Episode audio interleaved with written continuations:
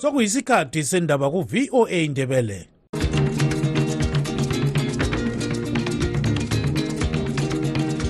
amatshono zihlobo siyalamukela kuhlelo lwethu lwezindaba eziphathelane lezimbabwe. Kustudio 7 eya voice of america sisakaza sisewashington dc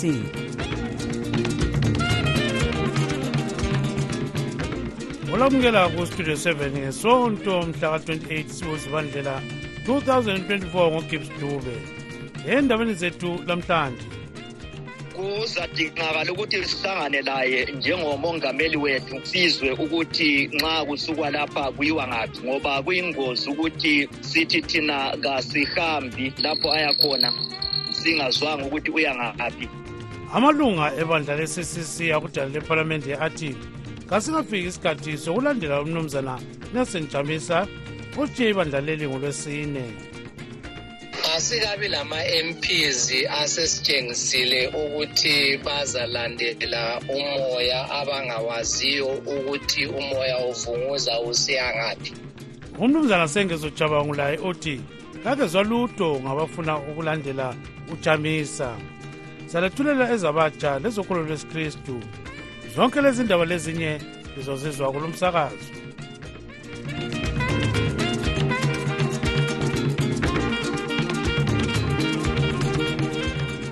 Amalunga ebandla le-ccc akudale lephalamende athi kasikafiki isikhathi sokulandela umnumzana nelson jamisa otshiye ibandla leli ngolwesine.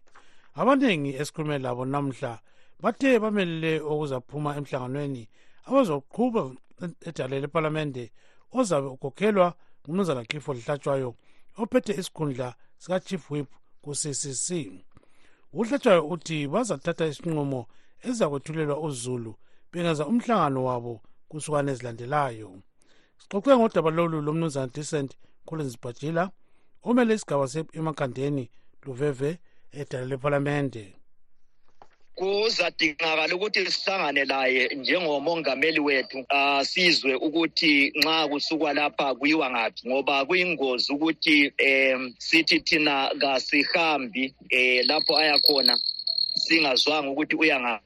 Kumbe lokuthi sithi thina siyakhonale lapho kuyiwa ngaphi? So kade sesakulindele yikuthi sibe lendlela yokuhlangana laye um sisakuhlela khona lokhu ukuthi sizakuhlangana laye sekutheni. Ngemva kwalokho sizenelisa ukuthatha izinqumo munye ngamunye. Ye selikhulume laye yini ngokuhamba kwakhe? Sisacele ubukhokheli bethu njengamalunga ephalamende ukuthi kuhlele umhlangano laye. Bangakwenza nini khonokho? Asilasiqiniseko sikhangele ukuthi thina siyabuyela ephalamende ngeviki ezayo nxa bengakwenza khona lokho ngesikhathi sendeso sesibuyele kungabe kulungile. Kodwa hhayi okumgceke yikuthi eviki ezayo siyabuyela ephalamende. Sizwile-ke honorable mahere fatsayi mahere sithi ubona ngani yena sesuka ephalamende njalo uzaloba incwadi nesithi sesuka ephalamende. Wena ukubona njani okungenziwa ngumahere wena ungeke wakwenza yini nxa ulilunga lebandla um i-political party isinqumo esingako um ngikubone kulungile ukuthi usithathe ume wedwa. Kuyabe kumele ukuthi lisithathe selingamalunga edale lephalamende lilonke kumbe lisithathe liyinhlanganiso kumbe lisithathe ngemva kokuzwa ukuthi abahlali bama-constituency bathini. Kodwa u-honorable mahere ngibona ngani naye kulilungelo lakhe ukuthi asithathe isinqumo esinjalo um mhlawumbe yena ube seke waxoxisana lo mongameli mhlawumbe ubeseke waxoxisana labahlali base-mount pleasant bakubona kuyinto e-right yena leyo. Nami ngilesiqiniseko sokuthi isinqumo esinjalo kungenzeka ukuthi ngisithathe but kusadingakala ukuthi siqale sibe lengxoxo lomongameli sizwe ukuthi kuyiwa ngaphi. Kusadingakala ukuthi njalo futhi siye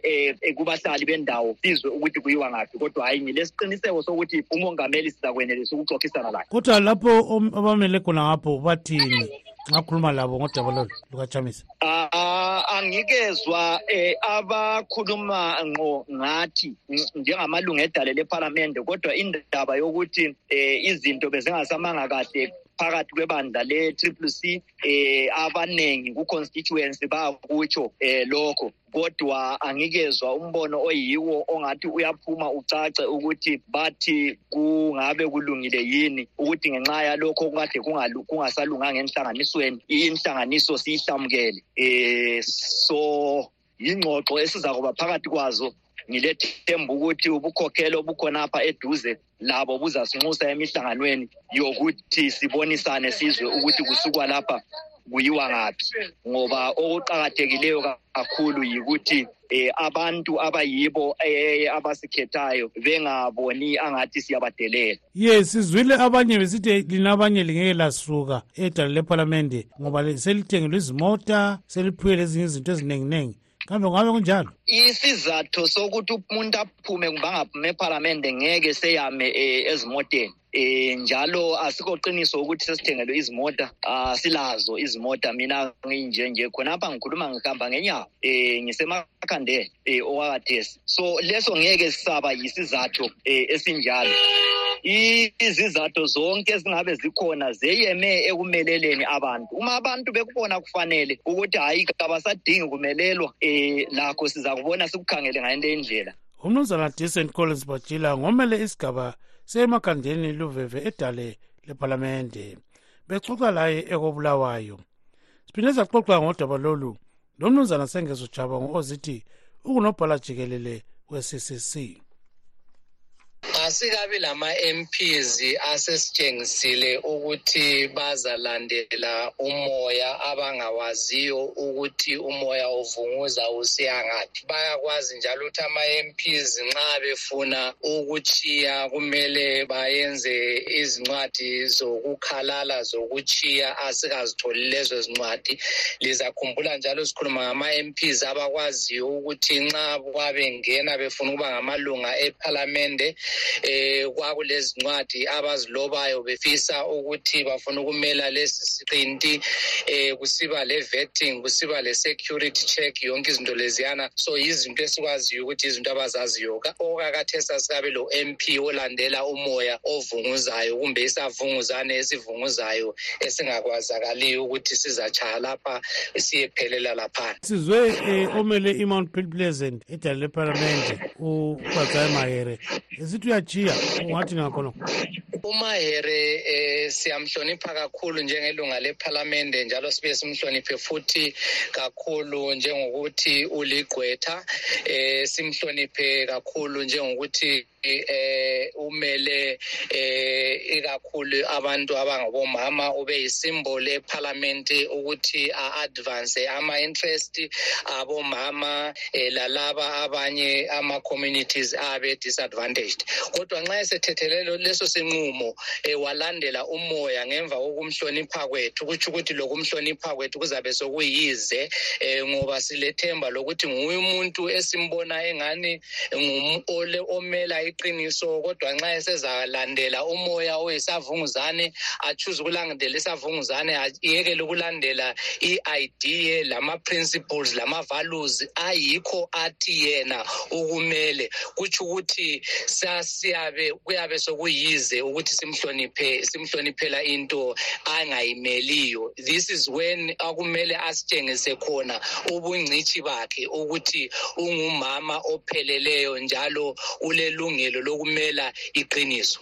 Ye siyabona lakumakhansila um lamakhansila kulamanye athi afuna ukuchiya ubusuzweni ngakhonokho bengabe befuna ukuchiya ngomlomo ngoba babe kuyafanana eh lokuthi nxa ubona isiziba sikhona awungeni kiso leso siziba kodwa uqala uxhoxhoze uzwe ukuthi kutshona okungakanani kumbe ufaka unyawo lwakho uzwe ukuthi kutshona okungakanani because kwesinye isikhathi ungafaka unyawo you risk ukuthi kuzabe lengwenya ezabe ezakubamba kumbe kuyatshona kakhulu. So ngama-councillors ngabantu laba abaxhoxhozayo and njalo lokuthi isiziba lesi sitshona okungakanani bavunyelwe ukuxhoxhoza. Eh akwalelwanga lutho i-right yabo. Kumbe isicelo sami ngesokubaxolisa ukuthi i-triple c yilo ibandla elikhona. Sizalenza i-triple c liqine libe lama-structures liqine liyayazi i-ideology ye-triple c liyawazi ama-values e-triple c.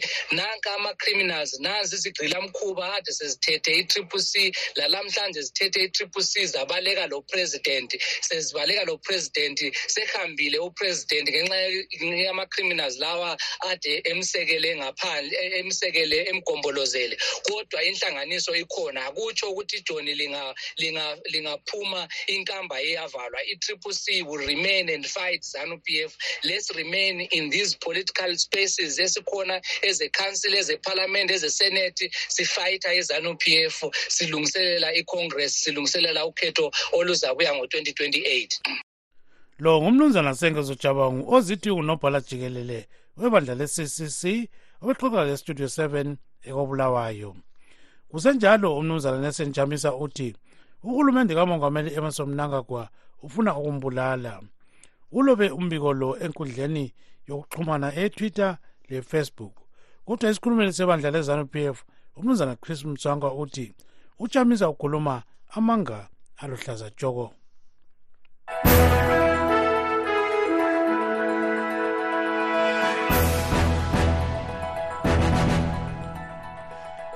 Singakangeni kusigaba esilandelayo sike sikhangele ezivela kwamanye amazwe ngamafitshane. Elemelika lithi lilethemba lokuthi ele-israyeli lehamas bazolobelana isivumelwano senyanga ezimbili esokuthi kumiswe impi kancane kukhululwe abathunjwa yihamas ngomfumfu nyakenye. Umkhuhlane wenkukhu we-avion flu usuhlasele inkukhu eziningi esabelweni se-san francisco khonapha kwelemelika lapho osokubulewe ezedlula ingxenye yenkulungwane 550,000 ukwenzela ukuthi umkhuhlane lo ungamemetheki. Ele-ukraine libika ukuba kulabo khampani edlelana lebutho ethengisa izikhali eqambule izikhali lokunye okuyisilinganiso sokuyizigidi ezingamachumi amane zamadola emelika 40 million united states dollars.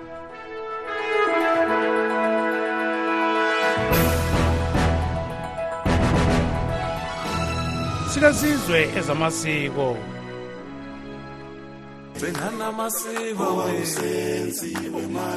Lamhlanje kwezamasiko silomnumzana bonman khumalo. Ukhumalo-ke umele wakhethwa umdeni wakukhumalo ukuba yinkosi yesizwe sikamthwakazi. Sangamukela kuhlelo baba khumalo. Ngiyabonga msakazi ngiyabonga kakhulu. Ye so kuthiwa-ke kule nhlelo eziqhubayo kulezi nsuku akusitsheti lenzani ye thembo ngiyabonga ithuba ongipha lona. Iviki eliphelileyo besibeka elinye iqhawe lethu omunye ubaba ade libutho unqoba izitha ndimande indoda ebisebenza ngokuzikhandla kakhulu ebuthweni njalo indoda ethobekileyo indoda eyakhayo entweni zonke ebizenza yiko-ke ubekiwe lupane ngesaturday edluleyo. Hhayi sidabuke kakhulu ngokulahlekelwa ngumfowethu undimande um izolo mthembo besise esandlwane enquthu kwazulu. Lapha bekhumbula eh, ibutho likazulu elanqoba amangisi. Besikhona-ke njengana lathi legadadi nje sifunda izinto eziningi into esiyithande lapho yikuthi amangisi abakhona bese bekutshengisa nje ukuthi kwakusenzakala kwakusenzakala njani. Aqhamuka amabutho kazulu echaya uphondo badubula ama-british bekukuhle kakhulu um msakazi. Hhayi kuyizolo. Kodwa msakazi into eseduze kakhulu phambi kwethu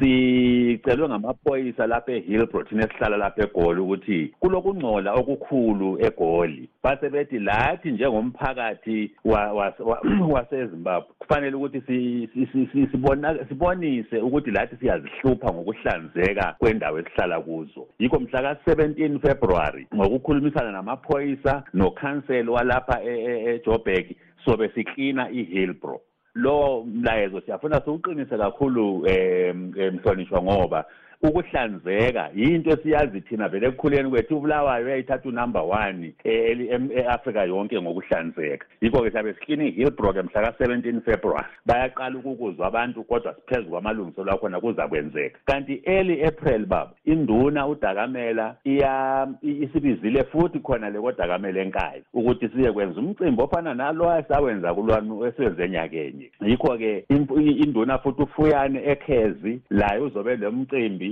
laye futhi uyasibiza. So yilezi inhlelo sizohambela izinduna sizoklina ijobheki aziningi nje izinto mhlonishwe engingazithinda angibonge kakhulu siyakuzwa kakhulu sibili um baba khumalo. Um sungavala ngamafitshane khona yebo bantu bakithi. Lokho sigqugquzela abantu bakithi ukuthi uma sibabiza abaphakame akalunganga ubaba othi nxa sokuba lodonga oluthile oluphazamisa esigabeni umgwaqo yena angabi khona ukulungisa. Yikho-ke sakhe isizwe manje siyakhuthaza mpela ikakhulu obaba ukuthi asiphakameni sakhe isizwe sethu. Omama labo abangasonga izandla. Thebo ngiyabonga kakhulu. Zonke lezi nhlelo siyabanxusa abantu bakithi ukuthi abaphakame baziphakamele. Ngiyabonga mthemba ithubo ngiphelona yes awanga kakhulu-ke lo ngumnumzana bonman khumalo. Isikhulumeli siwakhethwa ngumdeni wakokhumalo uba yinkosi yamandebele. Sikhuluma-ke lapha ngobulelani lobhengula. Siyabonga kakhulu ungadini lokusasa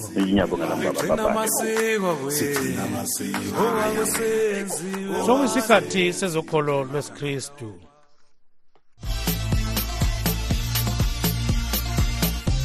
Siyalamukela kusigaba sabatsha igama lami ngutabo kancube namuhla sixoxa ngemfundo yabakhubazekileyo lowasungula inhlanganiso emela amalungelo abakhubazekileyo eye signs of hope trust unkosazana samantha sibanda. Njengenhlanganiso sibona ukuthi ukuthi abantwana abakhubazekileyo behambe esikolo lokho kusahlupha nxa singakhangela ama-statistics akhona atshengisa ukuthi almost one third yabantwana kumbe singathi ku-three abantwana oyi-one ule-disability ongayiyo esikolo ku-primary. If that is the case one in three children is a lot ukuthi bebe lama-disabilities. So sibone ukuthi kuningi okusafanele ukuthi kwenziwe from ama-policies from ama-buildings ukuthi ama-attitudes abantu so kusasekuningi okufuna ukwenziwa ukuze abantwana abakhubazekileyo bekwanisa esikolo so kulemsebenzi omningi. Kuzikhathi eziningi sibona abantu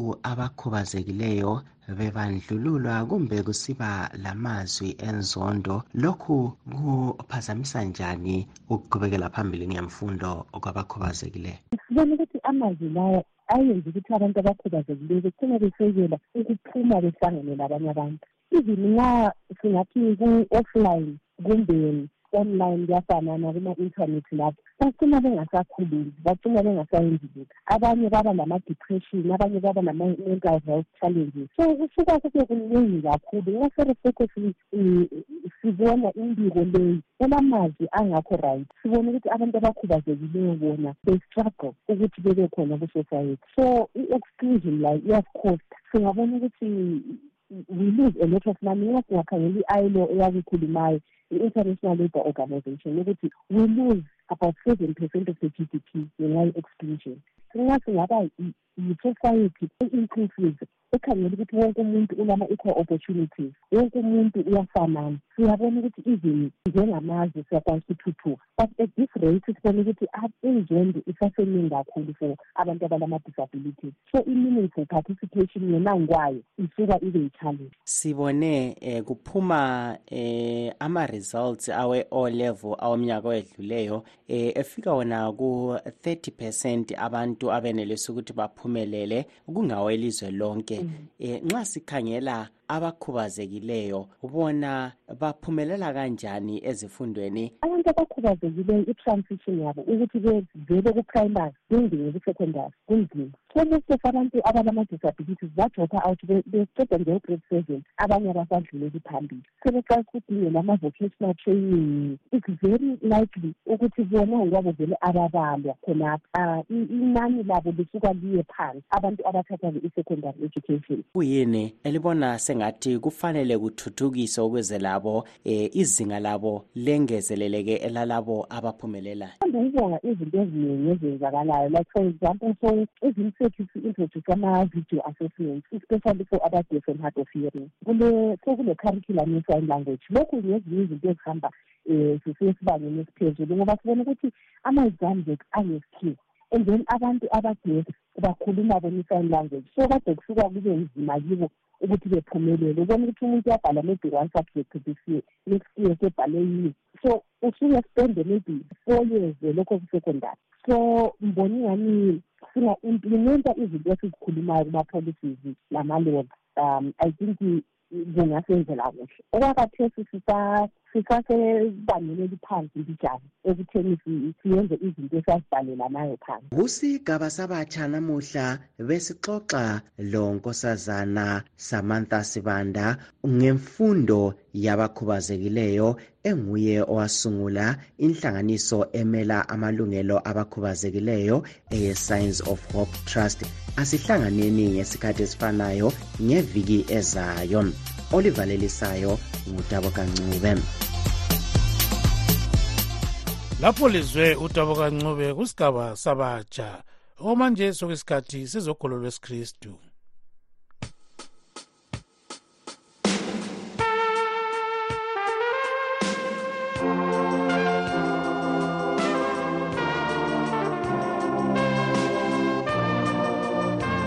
Siyahlangana zihlobo ezithandekayo kuhlelo vuselela umoya.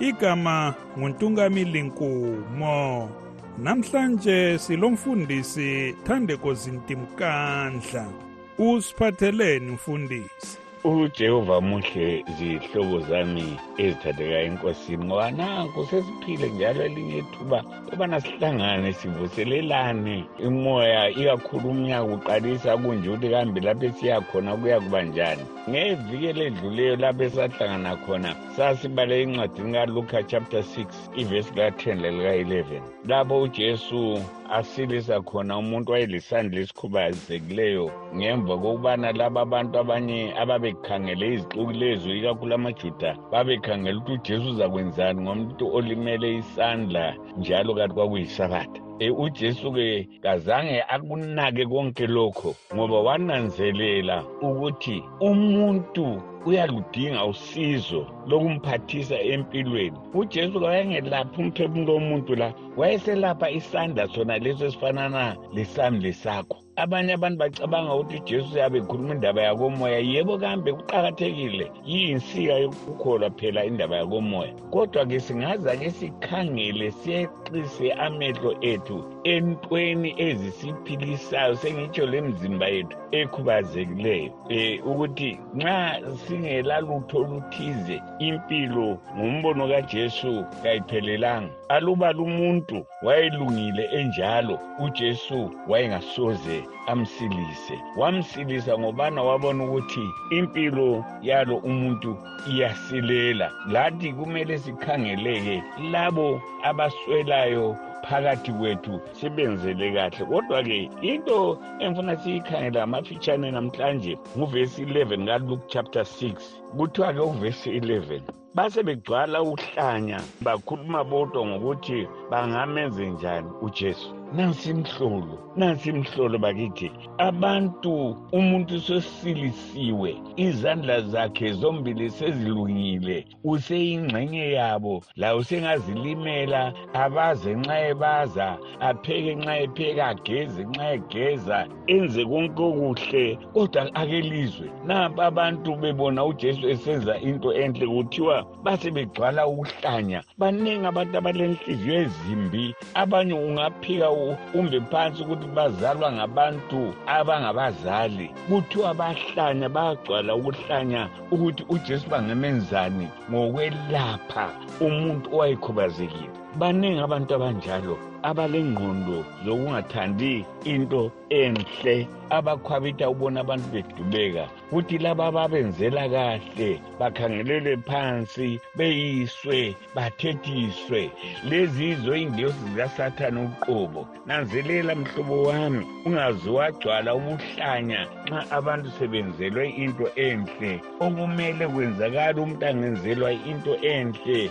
Lawe ngena phakathi kwabaningi umfisele okuhle kodwa laba kuthiwa bagcwala ubuhlanya baningi abantu abagcwala ubuhlanya abantu bangenzelwa into enhle. Abanye bakholisa khona kuba ingxenye umbuso kasathane besemhlabeni bancindezele banyathezele abanye abantu. Ujesu-ke eyinkosi ngumntakankulunkulu uyabonisa ukuthi hayi abantu akumelanga baphile ngaleyo ndlela. Abantu kumele baphathisane bahambisane.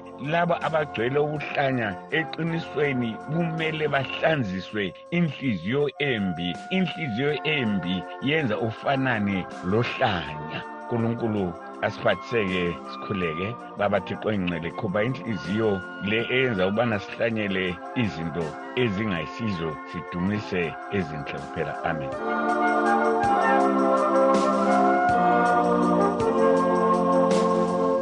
Lolo bekulohlelo vuselela umoya. Silomfundisi Thandeko Sintimkandla thiyani indlebe kuhlelo lunye ngeviki ezayo. Lilami untungamili nkumo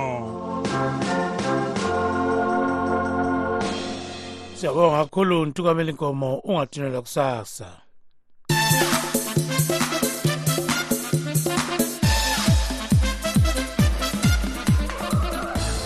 Kwezemidlalo okwamanje kunqikelana iqembu le-electoral guinea neleguinea emdlalweni we-africa cup of nations kwele-ivory coast. Amaqembu la angutshiki lobhanqa 0 ka 0 kusihlwa lamhla elegibhite lidibana lele-drc kusenjalo abalandeli bomdlalo wenguqu bathi kukhangelelwe ukuba kusasa iqembu lesenegal lizakhupha iqembu elimela ilizwe eliqoqe umncintiswano we-afcon odlalwa kulezinsuku kwele Ivory Coast. Kubika uJoseph Njanji iqembu lesenegal lidibana lele ivory coast kusasa ntambama emdlalweni wesigaba sesibili kumncintiswano lo owaya ngumgadli weqembu lezimbabwe lama-warriors elamela ilizwe kumncintiswano we-africa cup of nations ngo-2004 agent sawo ukuthi iqembu lesenegal liqine kakhulu okokuthi alingeke limiswe ngele-ivory coast. I don't think so for isenegal it shows ukuthi they are number one. Le record yabo speaks for them. They've done well. Again this time around i'm tipping ukuthi maybe they might take it i-afcon then considering amanye ama-countries o-nigeria Nigeria they well yes they've qualified but ezinye zakhona they don't deserve to be there. Intatheli zindaba ezemidlalo unesh mgogwera uthi loba nje imidlalo yalonyaka ilezimanga ngoba sekuphume amanye amaqembu abekhangelelwe ukuba azakwenza kuhle. Iqembu lesenegal lizaqhubekela phambili lize lifinyelele kufinal. I-afcon le itshengisele wonke umuntu ukuthi a akusela kuthiwa nguye othathayo khathesi wonke umuntu odlala ku-afcon uyatshengisela ukuthi uyafuna layo mina ngibona zane iqembu ele-morocco leqembu ele-senegal bangazani bachovile njalo ngingakhangeleli phansi iqembu le-cape verde.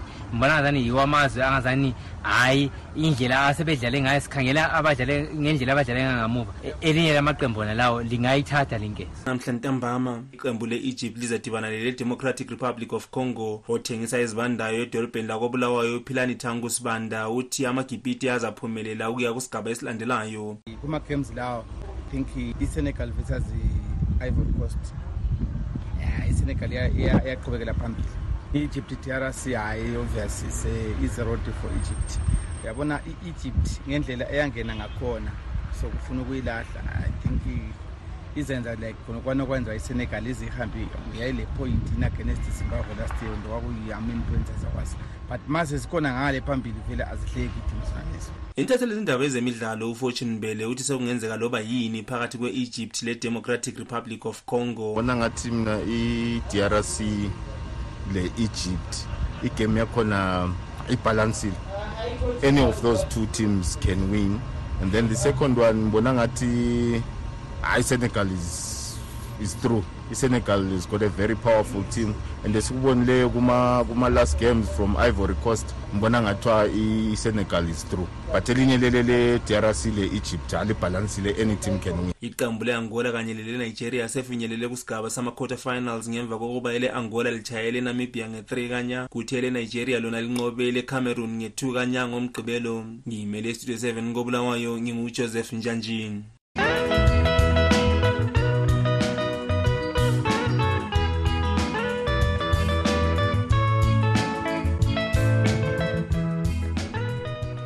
Singagqibi uhlelo lwamhlanje wothi sikhangele ebesilazo. Amalunga ebandla le-ccc akudale lephalamende athi kasikafiki isikhathi sokulandela umnumzana nelson chamisa ochiye ibandla leli ngolwesine. Umnumzana sengezojabangulaye uthi kakezwa lutho ngabafuna ukulandela uchamisa.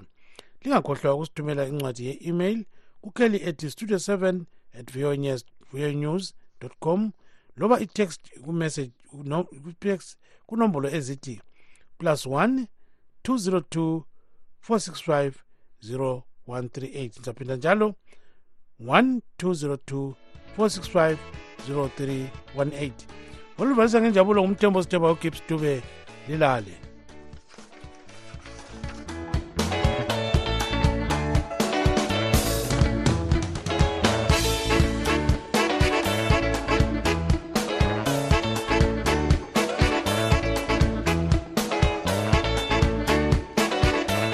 siyalibonga ngokulalela kwenu. Asibeke ithuba elifanayo kusasa kustudio 7 kusukela ngo-half past 7 kusiya ku-8 o'clock ntambama kuhlelo lwezindaba zezimbabwe.